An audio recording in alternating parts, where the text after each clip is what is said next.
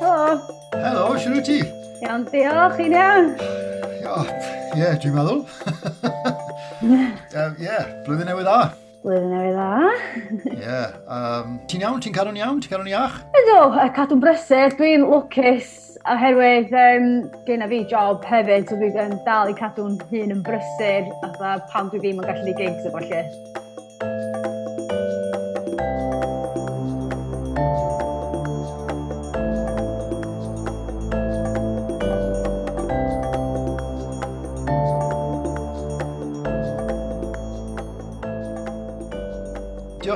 am um, gymryd rhan. Nathon ni siarad, go, rhai blynyddoedd yn ôl nawr, nes do, rhyw dair, bedair, os na pum mlynedd yn ôl. Fi'n cofio... Mae'n amser hir, beth. O'n i'n siŵr meddwl, boes o hir oedd o. O ti ddim wedi cael babi bryd yn ni? Na, go, na, na. Na, na, na mi... Mae'n amser yn ôl, di. Fi'n cofio dy gyfarfod i mewn gwesti yn Abertawe. Ti di priori fan hyn? Na, ond oedden ni fod i priodi yn y cychwyn yn 2020, ond oh. oherwydd oedden ni eisiau prynu tŷ, nath ni push fo'n oh, yeah. ymlaen chydig bach, yn ôl chydig bach, so dwi'n eitha lwcus yma na. okay. Yn gyntaf i gyd, ydw i fod galw ti'n nest, neu nesdi, neu, neu be? Dwi'n yn meindio fod yn onast, mae nesdi yn dod o nickname ges i gan y chwaer, oh. oherwydd o gen fi, o gen fi ffrind gorau o'n nhw tecwyn. So fo, oedd tecwyn bibib, a fi oedd nesdi bibib. Oh. O, oh, tecwyr y tractor, hwnna'n agos iawn yng nghalon ni, oedd yn plant yn wrth, wrth i bodd.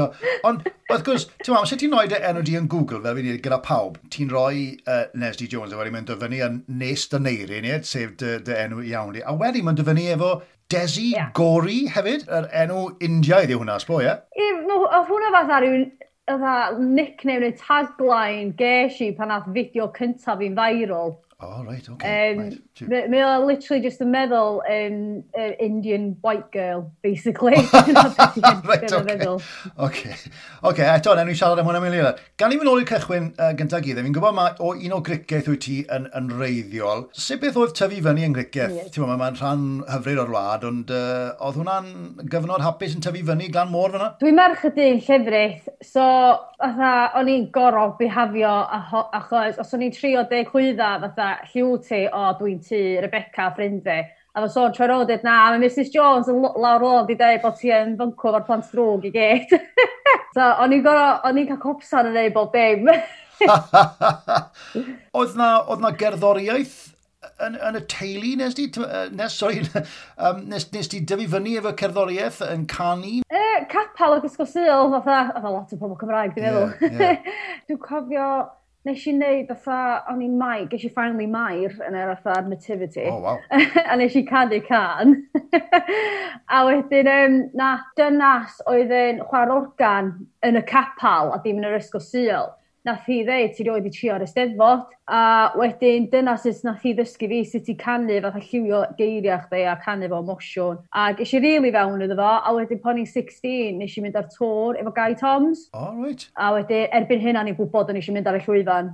Ie, yeah, o'n i mewn band Cymraeg a acoustic, o'n nhw addurn ar y mantell. O, so, e, on, on fel, fel lot o Gymru Cymraeg, fel nes ti weid, nes ti, nes ti fynd trwy'r rwt, lygyr i, o ganu yn capel, a wedyn y steddfod. De, achos mae'r ma ma ysteddfod yn, yn beth mor pwysig, yn sicr i Gymru Cymraeg, yndi, uh, ar ddechrau i gyrfaoedd nhw. Felly, yeah. se, se ti'n gweud bod canu ar lwyfan ysteddfod wedi dy helpu di'n amlwg i fynd mewn i'r byd cerddorol a canu efo Guy Toms a wedyn beth ti'n neud erbyn hyn, di? Um, nath yr ysteddfod fatha dwi'n ei joc efo hyn bob blwyddyn, achos mae pobl fatha ar trydar o falle, de, peidiwch y siarad i am yr esteddfod achos dwi'n rioed i ennill. O, re, o, io. Okay. So dwi'n gwneud joc bob blwyddyn. Dwi'n dwi masif o supporter yr un, a dwi'n masif. A, a, a, a a mae'n joc bob blwyddyn efo Twitter fo ni, kind of thing. Ond uh, na, nath o roi, dwi'n meddwl, uh, hefyd atha, y er competitive streak ti angan i fo yn yr atha music industry, achos mae o'n busnes mewn competition. So, yn yr esteddfod, maen nhw'n prepio chdi fyny i wneud pethau'n iawn ac i fod fatha y gol ydy fynd yn gyntaf falle, a ti angen hynna i fod yn yr industry hefyd. A oherwydd pan eisiau cychwyn canu, ac wedi cael y judgeon sydd ben, sydd oh, yn, yn yeah, ifanc, yeah. so dwi'n meddwl mae hynna dweud chdi'n effernol thick skinned hefyd yn deud, pan ti'n tyfu fyny, ti'n mynd i cael lot o yeses, ond ti'n mynd i cael loads mwy o nas oh, hefyd, nas, a dwi'n meddwl nath yr ysteddfod rili really kind of dysgu hyn ar fe, a mae o'n lesson really da. Na, oedd e'n, o'n i'n enjoy fo, cos eisiau lot o ffrindiau falle, ac um, Ond o'n bob tro'n sbort hefyd. Ond erbyn i ti gyrraedd 11, oedd na, oedd na streak Rebellious yn dechrau ddod allan fyna, wedi erbyn 11, bod ti wedi muno a band a o ti eisiau gadael cricedd cygynter y ffosib, a ti'n chwerthu fyna, fi'n gweld hwnna. Oedd na streak Rebellious bach? Dwi'n gweld, dwi wedi bod o'ch ddechrau rebel y tylu ers y day one, i fod yn onast, dwi'n un o pimp. O, ysgob, right. a fi dyn un sy'n o'r tatws, a fi, uh, fi dyn un sy'n o'r fi dyn un oedd bygro off India, ac o neb yn gwybod beth o'n i'n neud, efo lle. Ond ie, yeah, dwi'n meddwl, oedd ffrind, eis i fewn i'r tŵr John Cadelic efo Guy Toms. Ffrind o genne fe oedd o chwilio am cantores, cos nath o ddeud, i canu fi ddim yn digon da. A wedyn, eis i mynd, dwi'n na i joinio fewn, ac oedd o'n gret i fod efo pobl a ma Guy Toms yn briliant, mae mor laid back, ac o'n i efo e, fatha pobl oedd di chwarae fo gwydaeth hen fran, ac oedd mewn community hollol gwahanol lle o'n i wedi gweld yn yr Eisteddfod, oedd nhw lot mwy rebellious, oedd nhw mwy yeah. chilled out, ac oedd nhw mwy... Ac, oh, a, a dyna lle nes i just mynd, o, oh, dwi'n licio hyn mwy na er formalities a falle, dwi ddim yn berson ffurfiol, ac os dwi'n gorau mynd i rhywbeth rili ffurfiol, dwi eitha'n panicio, a dwi jyst yn mynd o dda, deer in headlines. So, oedd atmosfer heraw yn absolutely briliant. Ie, yeah, ie. Yeah. A, a mae Guy Toms yn amlwg mo, yn fwy talentog a creadigol dros ben. Felly fi'n siŵr nes ti, yeah. nes, nes ti ddysgu a nes ti werthfarogi lot felly wrth fod gyda pobl fel fe, ie? Yeah? Ie, yeah, mae Guy Toms yn fatha'n showman hefyd. Fatha, dwi'n cofio, dwi dal yn cofio hyn ar y diwrnod, fatha intro fo i Junker Oedd, um, y whole thing oedd fatha fod yn environmentally friendly, so oedd y lot o'r offeryna wedi cael ei wneud allan o rybys. Oh, yeah. So, oedd o'n dod i fewn yn martio efo hanner canw fel hyn, ac oedd o'n just mynd blwyddio trwy hanner canw, ac oedd o'n dal yn môr catchy, ac oedd eitha, dyna beth dwi'n lyfio, ac oedd o whole set, oedd o'n showman, oedd e'r um, backing singers, oedd o'n gyd yn sioe mawr, ac wnaeth ti ddim yn gorau just sefyll, ac i di just mynd yn nuts. So dwi'n cofio, o gyda ni un can o'r nhw aros yn ifanc, ac oedd o'n just plant, ydda 16 oed yn cofio yn canu, ydda e, dwi ddim isio ty yfu fyny, ac yn proper cymryd y mic, ac yn oedolion oedd y watchad ni.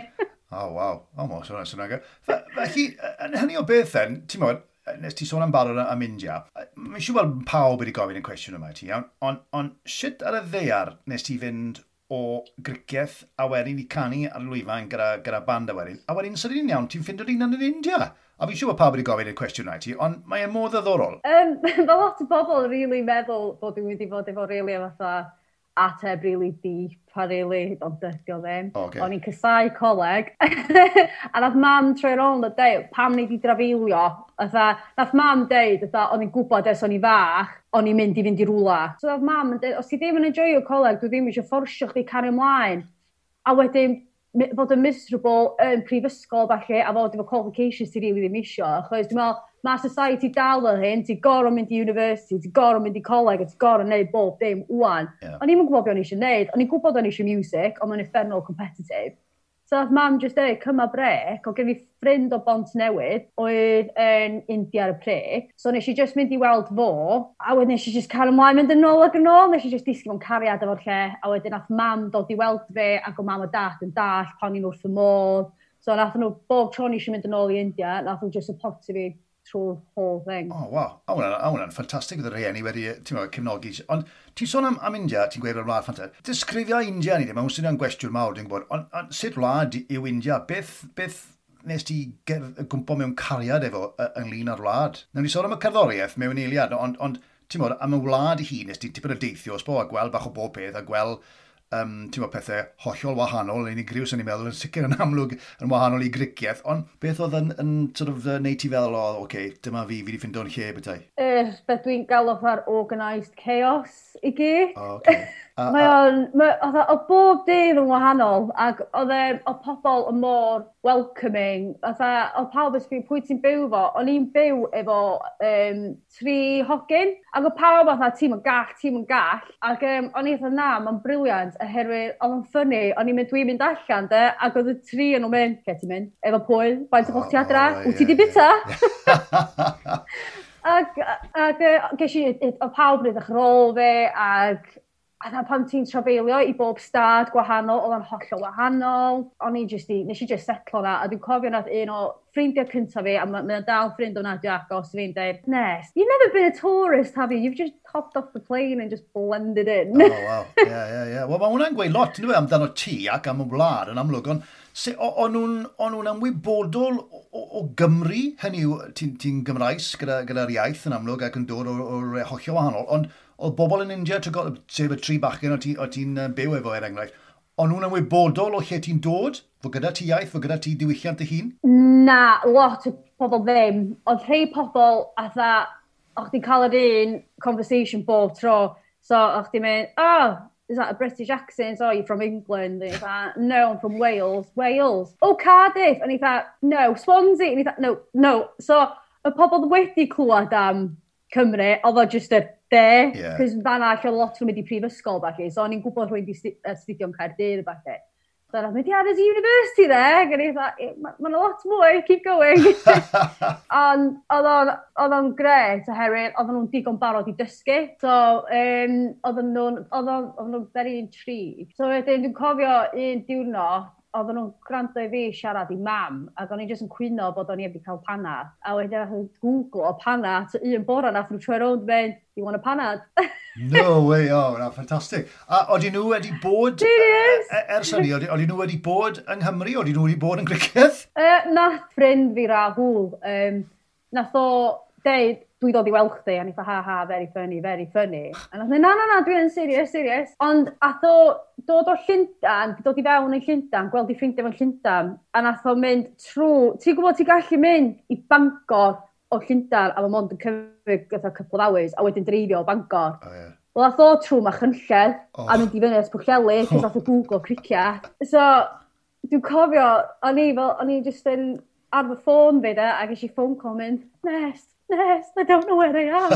and he thought, oh, well, well just ask the conductor. It's too many letters, nest, too many letters. I got, I, it was too fast. So if we get, get, the, uh, get the train man on the phone, yma chynlleth o fo. Oh. So nath o ddod i criciau am uh, tair pedair diwrnod a mae o dal di dweud un o experiences gorau fo oedd dod i fatha tafarn lleol fe a nath pawb dechrau canu iddo fo. Oh, wow. Do, a nath o dweud dal. So bob tro mae'n dweud, gwan, pan mae Covid drosodd a falle gawn ni mynd i'r Prince of Wales yn cricio yn canu eto. oh, great.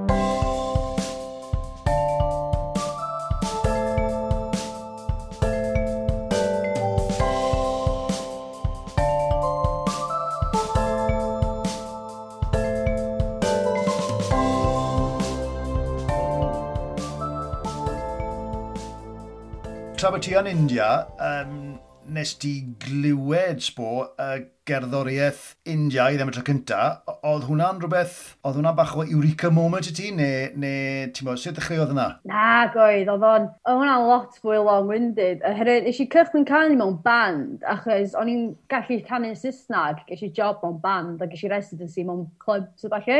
Oh. E, ar fatha ar ôl sortio visas allan o falle. A wedyn, nath un can Bollywood oedd o jyst yn mor glws. Um, ac o'n i'n obsessed efo'r can yma. Ac oedd o'n oedd y kids gan yn syml oedd o'ch chdi'n gallu just canu fo mae mam yn canu fo hefyd a nes i just troi rownd i'r boi achos pan o'n fi oedd yn neud canu yn Sysnag ond pan o'ch chi'n neud priodasa neu pethau corporate o falle, oedd nhw eisiau Bollywood Um, so fo oedd yn neud hwnna ac o'n i'n just yn neud o'n i'n bob yn cael, o'n i'n stuck efo ABBA bob tro so wwan dwi ddim yn gallu canu ABBA So, pan ti oedd 17, I just yn mynd, Mamma mia, here you oh, go again. Yeah, yeah. So, i diwrnod, nes i fynd i Bismarck, gael canu kit gan can yma, a nath o just sbi ar fi, a mynd, go be, iawn, mynd o. A nes i gannu'r whole thing, a dwi'n cofio na pawb just stopio, uh, kind of just mynd, oh, ma, ma, that, cos 17, 18 o'n i, fatha, mae hogan ban canu can Bollywood. So, o'ch ti'n gweld y bos fi fatha, money signs yn popio i fyny kind of thing. Oh. Ond i fi, oedd o just a party trip. So os oes ni mewn party, ac o'n i di, oedd pawb cael few drinks, o ffrind fi'n mynd nes, do that thing, do that thing. Ac oedd just fel a, ond wedyn, nes i wneud fideo ar YouTube oedd yn Bangra, sef Punjabi, so mae hwnna'n y holl o wahanol i Bollywood. A oedd o'n just yn viral, ac o'n i just yn fa, beth dwi'n neud o'n? Gan i siarad am y ieithoedd, ti'n siarad Cymraeg, o ti'n ti canu'n Saesneg, ti'n siarad Cymraeg, a ti'n newydd dweud bod ti'n ti canu e, yn bangra, bangrab. Ond ti wedi dysgu bach o Punjabi, ti wedi dysgu bach o Hindi. E, e, ydy, ydy hwnna'n anodd? Ydy hwnna'n haws gan bod ti yn siarad Cymraeg i gychwyn arno, ti'n feddwl? Uh, symud allan o India, mae wedi bod lot anoddach iddo fe. Oherwydd, o'n i efo ffrindiau ac oedden nhw'n jyst siarad yn Hindi rwnd y fe i cael fi i pico pethau fyny. Right, yeah. So, wwan, dwi wedi dwi wedi gwylltio fan hyn wan, achos mae acen hyn di fi'n dechrau mynd yn dro gan a ffrind fi ar y ffôn, dweud mae acen chdi dwi'n rhan. so, um, dwi wedi, dwi wedi lawr lwytho Duolingo a dechrau dechrau'r hindi eto. E, just i fi cael atha refresher, oherwydd mae di just, efo heb di ymarfer fo, mae di just yn mynd yn absolutely rubbish. Punjabi, mae ffrind fi yn nod i deud, mae'n mynd ffonio fi pob wythnos a mae'n mynd i siarad mwy a mwy dda fi. Oherwydd, pan ti'n out of practice, ti ddim yn yeah. iwsio fod i mwy, a yeah. so wwan dwi fatha na, haid i fi gwella, so da di mission fi o, a na dda cael neil yn iawn, gobeithio. Mae o'n, dwi'n meddwl, efo fod yn Gymraeg, mae yna syna, ti'n gallu clywed syna wahanol, fe gyda ni, fatha, kind of thing, gyda nhw pethau fel a, So dwi'n meddwl dwi'n gallu pico heina i fyny well na pobl sydd ddim fatha yn gallu siarad Cymraeg o bethau. O mae hwnna'r un peth gyda pob iaith. A na tro cyntaf dwi wedi wedi clywed rhywun yn, defnyddio Duolingo i, i, uh, i, ddysgu, i ddysgu hindi. Um, ma, gan i fi ymlaen den bach, uh, os dwi'n iawn, fi'n gobeithio mae fi'n iawn yn unig, ond y gan London oedd the big break, di e? A then rhif un yn yr Asian yeah. charts, yeah. So, oedd hwnna bod yn fod yn blinkin ec, oedd hwnna yn, yn huge, oedd? Sut ymateb gysd i hwnna? Oedd o'n really surreal a oherwydd nath ni ddim dallt faint o fawr oedd o'n mynd i fod. So, nath, um, o'n i dal yn criciat erbyn hyn, o visa fi d'expeirio, ac o'n i just fatha, reit, a just chill yn criciat, gweld os fi'n cael fatha visa newydd a falle. Ac um, dwi'n cofio, within fatha couple of days, a BBC ffonio fi'n dweud, da, da ni eisiau chdi lawr i Llyndan, ac o'n i dda, mam! Oedd yn criciat, oedd gweithio mewn fath o restaurants, yn hollol chillio allan a falle. Mae ma'r BBC di e-mailio fe a BBC HQ Oh. Ac yn eitha, o! so ges i road trip i Llyndan, a, a nath y boys fi ar fi, Tommy Sandw, dio ddim ar BBC Network dim mwy, a nath o mynd, dwi'n meddwl ti'n dallt, faint o fawr mae hyn di wneud chwe. Ac yn eitha, diw, yn do, A wedyn, mewn llain o wythnos, oedd hitio miliwn cyntaf fo e, ar YouTube. A wedyn, ni'n cael interviews yn fflydio i fewn, a fan pages fi rocketio.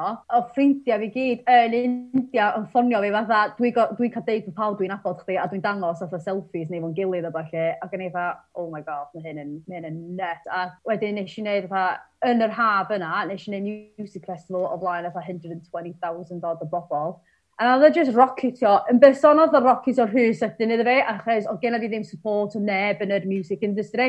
O'n i just ben fy hyn, fatha, professionally. Yeah. Ond oedd o'n just a really surreal yn gweld ar yr we baint o hyn yn dringo, ac o'ch gyda chdi fi y mam a dat, just to watch out the chase yn capanad. capanad. Ond on, on, oedd cael, ti'n mo, gyda pob parch i ti ddim, merch, merch wyn yn slygu o, o, o Gymru neu tu allan yn y byd na yn canu yn ei iaith nhw a yn, yn y fath na o gerddoriaeth, oedd hwnna'n hollol wahanol, yn hollol anghyffredin, sy'n ni'n meddwl, oedd na'n unig rhyw. Sut ymateb ges ti hynny? Oedd y gyd yn bositif, neu oedd rhai'n gweud, o, ti'n mo, oedd ddim quite yn, yn, yn dach, ddim quite yn, yn derbyn y bethau? Ma na, ma na, hoc, ma na dynas gwyn arall, Danish, yn canu Punjabi, ond mae hi mwy folk. So, y be nath wneud London y mor fawr oedd sut oedd o'n fusion o Saesneg i Punjabi. Yeah. Oh, okay. So, oedd hynna heb di cael ei wneud o blaen. Ac ges i, o'n i wedi bod yn ar YouTube ers chydig bach amser. So, ni'n cael load o pobl di dilyn fe cyn i hyn ddigwydd. Oedd o'n mynd, I'm so proud of you, mae hyn yn amazing. Yr unig pryd ges i rhywbeth drwg amdano fi, oedd na thrwy'n deu, mae'n jyst yn hogan gwyn yn siŵr neu pres, mae'n exploitio. A wedyn a trwy'n troi rownd a dweud, mae di byw yn India. A nath nhw just mynd, o, oh, sorry! Yeah. so, ma, na, mae'r ma cymuned, mae'r cymuned Punjabi yn amazing anyway. Mae nhw'n pobl mor neis ac mor friendly, fatha. Ys i i un gig, uh, fatha gig a listen, Ac wwan, bod tro dwi'n Llundan, y dynas o rhedeg o, dwi'n gorfod mynd i tu hi am swpar, a mae eisiau cwcio swpar i fi. Ie, ie. O, ti'n mwyn, mae pob parth... Ie, jyst dda... Mae wedi agor dy fyd, i ni, mae wedi cyfethogi dy fywyd i wrth, wrth ti'n uh, cyfarfod a gweithio efo pob fath o bobl dros, dros y byd. Ond, ti'n mwyn, ti'n sôn yn gynharach yn gweithio efo efo Cymro Cymraeg go iawn y bethau Guy, Guy Toms, ond ydy wy mor wahanol gweithio efo rhywun fel, uh, ti'n mwyd, uh, uh, Yo-Yo uh, Honey Singh, a, a, a oedd hwnna'n brofiad gwbl wahanol, sut maen nhw'n gweithio, sut maen nhw'n ymateb i gerddoriaeth i gymharu sy'n gyda a, a, a Chymru. Ydy hwnna'n gwestiwn anodd? Um, ffordd o gweithio. Ma, dyfa, o'n i'n gael nhw gyd yn gwdi hws, a herwydd oedd nhw'n gweithio trwy nos. Ah. Nes i gwdi pan nes i cyfarfod o'r tro cyntaf. Nes ti beth wedi? O'n i heb i cael arfer i body clock switch. Oh, right. Do, beth i panic attack? O'n i, o'n i di blino gymaint, a ges i fewn i'r booth ma, de, ac o'n i newydd ddod off, o'n i di dod off plen, o'n i di ffilmio am 16 hours, o'n i stuck mewn traffic am 5 awr, eis i fewn i'r studio, ac o'n i just fel hyn. Oh ac o'n i dda, o oh, na, ac o'n i'n teimlo'n hyn yn anxiety'n codi, achos o'n i wedi blino gymaint eitha 2 seconds, ac o'n i'n gallu neud o. ac nath yr boi just troi, ond oedd o'n mor neis, nath o just mynd, A dwi'n cofio a un boi mynd, have we broken the foreigner? a nes i fynd, I think you have! Ond, on, on, on, obviously, o'n i rioed i bod fatha yn professional recording artist, ond ges i just thrown in right in the deep end. So oedd nhw wedi carfod y hyn i gyd, a wedyn, nath hynny sy'n clicio wedyn yn mynd, oh my god, mae'n 19 o'n i adeg yna, a nath o just clicio mynd, dwi wedi shipu hi ar draws byd, ben ei hun, mae wedi cyfarfod pobl hollol random yn y last 48 hours, yeah. ac oedd oedd dwi'n mor sori. A nath o sylwi, fi oedd yr unig hogan ar set. Oh, right. A nath o just mynd, ti ben dy hyn? A gan eitha, a nath nhw clicio hyn, achos mae Punjabi suit, gyda trwsys mawr, ti'n clymu. Right. Wel, o'n i wedi clymu o'n wrong, mae na nac i glymu fo ac o'n i stuck yn efo. So, o'n na dim hogan i helpu fi. So, nath un dyn yn y diwedd plycio'r courage i fyny, a herwydd obviously maen nhw'n feri fatha e, mwy coi ac ychydig bach, fatha yn feri, yeah. dwi'n eisiau disrespectio yeah, fe. Yeah, ac o'n yeah. eitha, I need to go to the loo, someone needs to take these pants Just get on with me. it, just do it, just do it. Yes, go. Yes, so the boi mae'n mynd so, wedyn ges i hogan Di hogan yn dod oedd y stage crew ac oedd hi efo fi trwy'r adag wedyn becho. Sgab, fi newid sylweddoli nes. Mae yna ma ffilm yn un, dws. Os so, dwi'n wedi dod ato ti a gweud, my god, your life is a film. Mae bon o'r ffilm yn un, oes e? Ma... Dwi wedi cael rhaglen dogfen, do. Do, do, do, do, digon um, teg, ond mae yna ma movie fan hyn. Anyway, newn ni, fel hwnna yn, hwyrach man. Dwi'n meddwl bod o'n cracking o ffilm, achos dwi'n mor ditsi ac yn... Atha, dwi ddim really informal falle, so dwi'n meddwl yn cracking comedy o chi. Ond on, mae hefyd yn, yn berffaith, achos ti'n meddwl, uh, the white girl from Western civilization going out to the, to the East and becoming a, a, a Bollywood star. So, ti'n meddwl, mae ma, ma, ma, ma typical story fe rand, os. Ond cliw, gan i sôn am hwnna'n yn, yn, yn hwyrach, dwi'n mynd i ofyn rhywbeth hollol newydd fan hyn nawr ar gyfer y podlediad yma. Dwi'n mynd i roi deg cwestiwn quick fire i ti, right? Quick fire. A fi eisiau ti ateb okay. yn syth, iawn? Um, a mae'r rhain nhw bach yn wirion, a mae'r rhain nhw'n wythnosol. Okay. Right. So, uh, I love them. Newn ni gychwyn rwan. Rugby neu pel droed? Neu be? Rugby neu pel droed? Rugby tennis neu cricket? cricket, oherwydd nes i weld y World Cup final yn India, India versus Pakistan, ac mae hynna'n highlight o un o trips fe, so oh. I'll go oh. for cricket. oh, wow, wow, wow. Uh, rhaglenni dogfen, documentaries iawn, neu reality TV? Oh, documentaries, reality TV, na. um, gwyn gwyn neu gwyn coch? Gwyn gwyn, sofnion blonc, malbro. o, oh, dim, dim bod ti'n ffasinas, dim ysgol. Um, Cerdded, uh, cerdded yn y mynyddoedd, cerdded yng nghanol y mynyddoedd, neu cerdded ar y traeth? Mynyddoedd, dwi'n mwyn licio tywod. O na, well, ti'n ti dod o gricieth? Dwi'n gwybod! dwi'n mwyn licio tywod. Na, mae'n mynd trwy fe. O, oce. Okay. Um, uh, y ddinas neu y mm-hmm. wlad? O. Neu bach o'r ddau? Uh, dwi'n mynd i ddweud y wlad.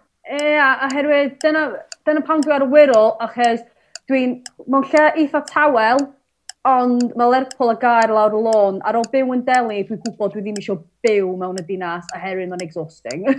o, ni'n mynd i weid, ie, yeah, mae ma, ma byw mewn rhywle fel deli neu rhywle yn India, sbo, yn, yn brofiad claustrophobic falle, uh, swnllid. Ie, yeah, dyna pam bod tro mam a dat yn dod i weld fi, o'n i'n mynd i ffwr o deli, so da ni'n bod i Gerla, da ni'n bod i Manali, wrth o Himalayas o falle, so da ni'n mynd i rhwa i ffwr o deli am few days, so oh, hyn o'r brec fi, kind of thing. Okay. Um, cwn neu cathod? Cwn. o, ti'n bod be, ar, ar, y gair na, ysgol ysgysol a fe meiliad, mae, mae nghi fi yn scratcho'r ddrws i sydd yn mewn, dyma ni bob mewn. Dyna. Mae'n ti. Mae'n mae'n mae'n yn hen. A dyna gael gweud yr wrth yn esta. Dyna gael gweud yr wrth yn esta. O, sbia. O, mae'n mynd yn hen. Na fyna, na fyna. Right, oce, okay, lle o'n i? Um, ah. O, nawr te. Um, mm. Eira neu mellt a thyrannau? Eira, dwi'n terrified o mellt a thyrannau. Mae unwaith nath mi cael uh, fy nghariad i, oedd o'n gwely ac o'n i lawr grisio wasio teledu a nath oedd masif o fath a merch yn trana'n dod i fewn ac oedd o'n gwybod oedd o'n gorfod dod lawr grisio mynd â fi gwely so o'n i'n gallu symud. o'n i o dan lamp fel hyn yn mynd, I'm not moving out of the light, Michael, I'm not moving. Sgwb. Fi lygo y ffordd mae'r quick fire questions ma yn dod yn stori gyda bob cwestiwn a gyda bob ateb. Sy'n gred. Ar, ar un ola... Not very quick. ar, ar, ar un ola, um, Llyfr go iawn neu e-book? Llyfr go iawn, oherwydd os dwi'n neud rhywbeth electronic, electron, electronical, electronic, um, dwi jyst yn driftio a na'i mynd ar rhywbeth arall, so llyfr iawn. Oce, okay, o, da iawn, da iawn. Reit, wel, diolch am hwnna, oedd hwnna'n beth hollio wahanol, beth newydd i fi. Um, Oes na, ti'n meddwl, ti'n sôn yn gynharach am, am ganu yn, wel, ti'n meddwl, ti yn canu uh, yn, yn, yn hindi Punjabi, Cymraeg a Saesneg, ie, os dwi'n iawn. Um, os na bwysau arno ti, mm. i, i, os na bwysau arno ti i gannu yn un o'r ieithoedd na yn fwy na'r llall? Neu oeddi wedi'n dibynnu lle wyt ti'n y wlad, neu dibynnu pwy ti'n gweithio efo? Um, dwi'n cael lot o bwysau canu mwy o Punjabi, achos oherio i o hynny Singh nath lawnsio career, career e, fi, mae o yn Punjabi, Ond um, oedd y can dweitha fi, se deud y gwir yn Gymraeg neu dignity yn Saesneg, o pa fel, dos am lot o Punjabi i fo, a gwneud eitha, wel fi nad ysgrifennu'r can, dydw i ddim yn gallu ysgrifennu mewn Punjabi, geis i ffrind i helpu fi fod darn yna. Right. Um, ond efo'r, dwi wedi dechrau mynd dwan yn gyrfa fe bod dwi eisiau expandio mwy. So mae release nesaf fi, dwi'n absolutely breaking it, dos yn ffordd ffordd certainly ddeud o, oherwydd mae o'n holl o wahanol, mae o'n mwy pop, mae o'n mwy nitty gritty, dy ddim mwy polished, so they're gonna like it, all of it, a gawn ni weld. a, a, a pa iaith yw nhw yn Punjabi? Na, mae hwn yn Saesnag, a mae yna fersiwn Cymraeg yn cael ei ryddhau hefyd. So, fatha, bob can dwi'n neud, mae'n wwan, dwi'n neud fersiwn Cymraeg a fersiwn Saesnag. So, mae hwn just yn Gymraeg neu just yn Saesnag tro yma. Okay. A hynny, o'n i just eisiau dechrau collaborate efo pobl gwahanol. Um, so dwi di, mae hwn efo rhywun o'n wrysdi yn Lerpwl. O'n i jyst eisiau expand my horizons chydig bach, oherwydd efo Covid a bob dim sy'n mynd ymlaen ar y munud, dwi'n nowhere mynd i fynd i India i wneud prosiectau, a mae lot o prosiectau fe ar y funud yn yr byd bangra, maen nhw yn y Midlands, maen nhw'n Llyndan. Cyn i'r tier system a'r lockdowns mae'n ddigwydd, nes i just gweithio'r prosiect yn Lerpwl sydd just lawr y lôn, so... Yeah, yeah. We'll yeah. see how it goes. Yeah, but ti'n gweud, ti'n Mae wedi bod yn anodd i, i lot o bobl yn ymwneud. Ti wedi ti wedi ymdopi yn gyffredinol sbo, gyda'r gyda, pandemig yma? Ers i ni gyfarfod diwetha, wrth gwrs, ti wedi dod yn fam nest. Blinkin ec, mae hwnna wedi newid y fywyd i'n di, newid y fyd i. Yeah. Ond on, sut wyt ti wedi ymdopi efo'r yeah. lockdowns ma, a ti'n modd, efo bod yn fam a, a phartner, a, a ydy hwnna wedi bod yn anodd? Um, oedd, oherwydd, ond dau fi o hynna, oherwydd, o'n i ddim yn rhoi digon amser i fi fan hyn, ond o'n bod tro'r plant, neu siŵr mae'r ma plant yn oce, okay, neu siwr mae fatha pethau di wneud o'n y tŷ yn oce. Okay. Ac hynna efo pan o Cadi, Cadi Glen y môr ifanc oedd o'n anodd, oherwydd cyn i fi cael swydd newydd, o'n i, o'n i yn furloughed a, a ges i, le, ges i wneud y redundant mor o less. Ac o'n i ben fy hun efo hogan bach, um, just yn dwy oed, oh. ac mae hogan very outdoorsy, so y ffaith o ddim yn cael mynd i neilla, oedd i jyst yn chwalu'n tu a oh. chwalu'n hynny. so, ond wwan, dwi wedi fatha mynd fwy fewn i organisation a, a fatha diaries a peidio roi gymaint o pwysau ar fi fy hyn um, i fod yn majorly productive. Oherwydd o social media, mae'n gallu yn chi bach o pwysau, mae pobl fatha, I've done this, I've done that, yeah. do this, do that, to make your day better. A dwi'n fatha, mae hynna mwy damaging, fatha, there's always tomorrow if you haven't had it done, a dyna di peth fi, wan.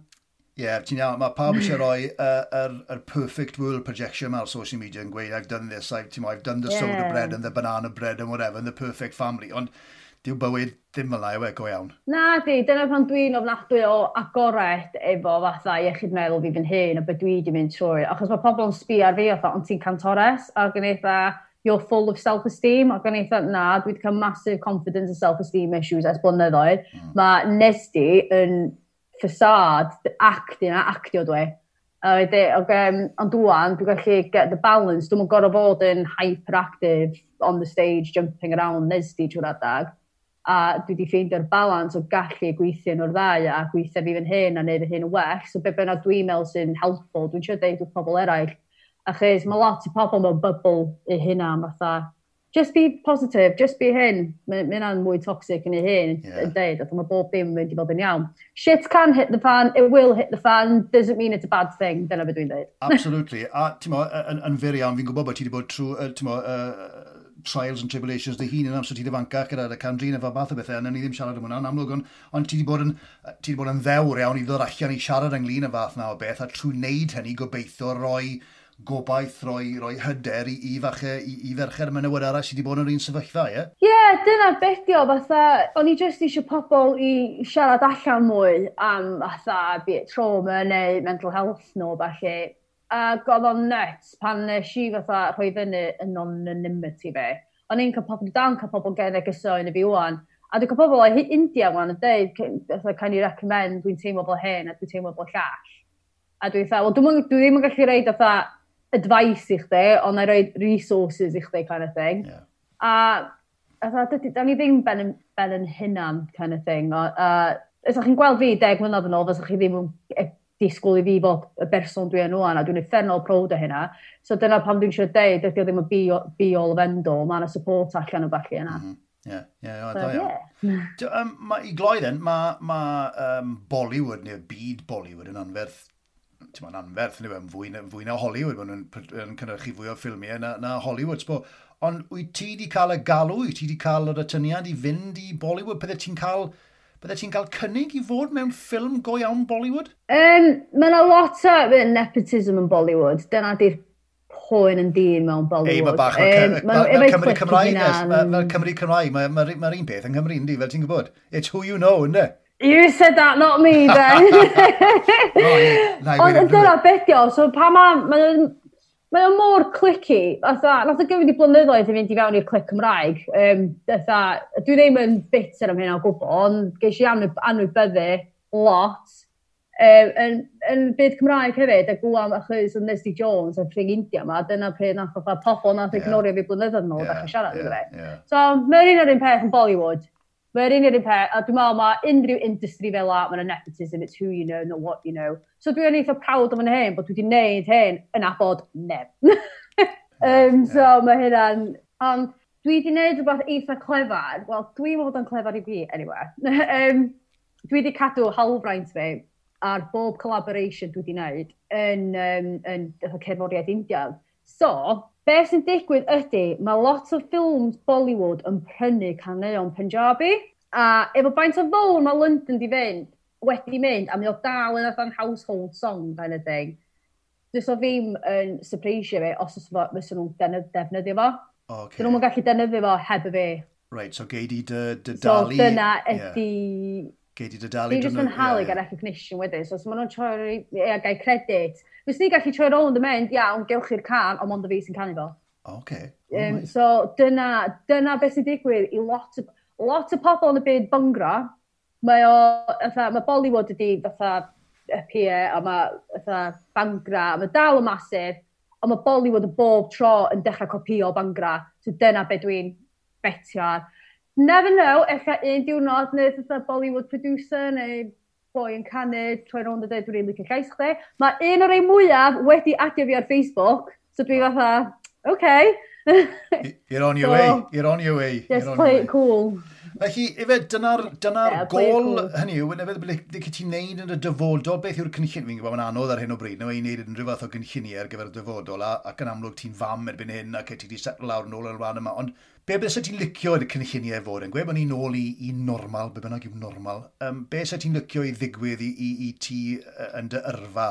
Cario ymlaen i wneud y cefwriaeth dwi eisiau wneud, a sa am blynyddoedd yn cychwyn, o'n i wedi cael ffitio mewn bop as in the wide-eyed fatha tourist and prancing in the fields fatha flipping national white kind of thing.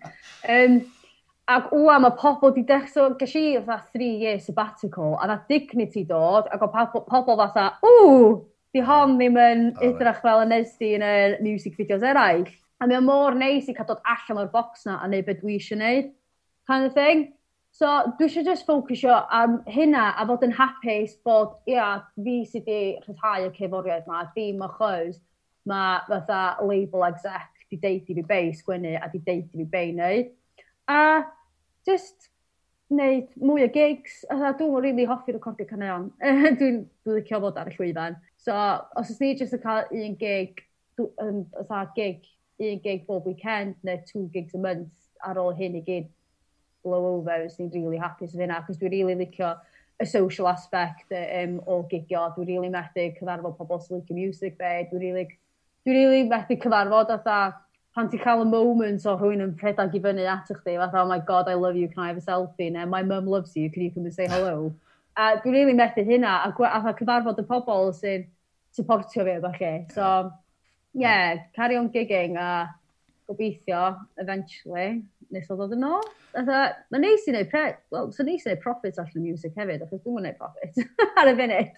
Mae'n rili really anodd. Ti'n either investi fo syth yn ôl, ne ti'n cael pes pocad fatha bob hyn a hyn. Yeah, so, yeah. nech chi bach mwy o bres eich hefyd. Ie, yeah, wel, ie, yeah, gobeithio. Ti'n mo, mi'n siŵr ddaw e, ti'n gweud, it's perseverance y bach o, ti'n mo, ti'n just goffo cadw allu, ynddo, ti'n mo, just cadw i fynd, ond Sut mae bobl yn cael gafel yn y tŷ? Sut mae bobl yn cysylltu y tŷ? Fi'n gwybod ti ar social media fath na beth, a ti ar YouTube, a oedd y gerddoriaeth ti ar Spotify a fath na beth? Ynddi, bob dim, Spotify, Apple Music, fatha, Amazon, um, efo rei, mae ma nhw ar y Geo Safon hefyd, sef ydyn fatha canleuon Indian i gyd. Right. Um, yeah, bob dim o dan Nesty Jones, a wedyn dwi'n gwneud, dwi'n cymryd y mic allan o hyn o dan yr enw Mad Music Mam.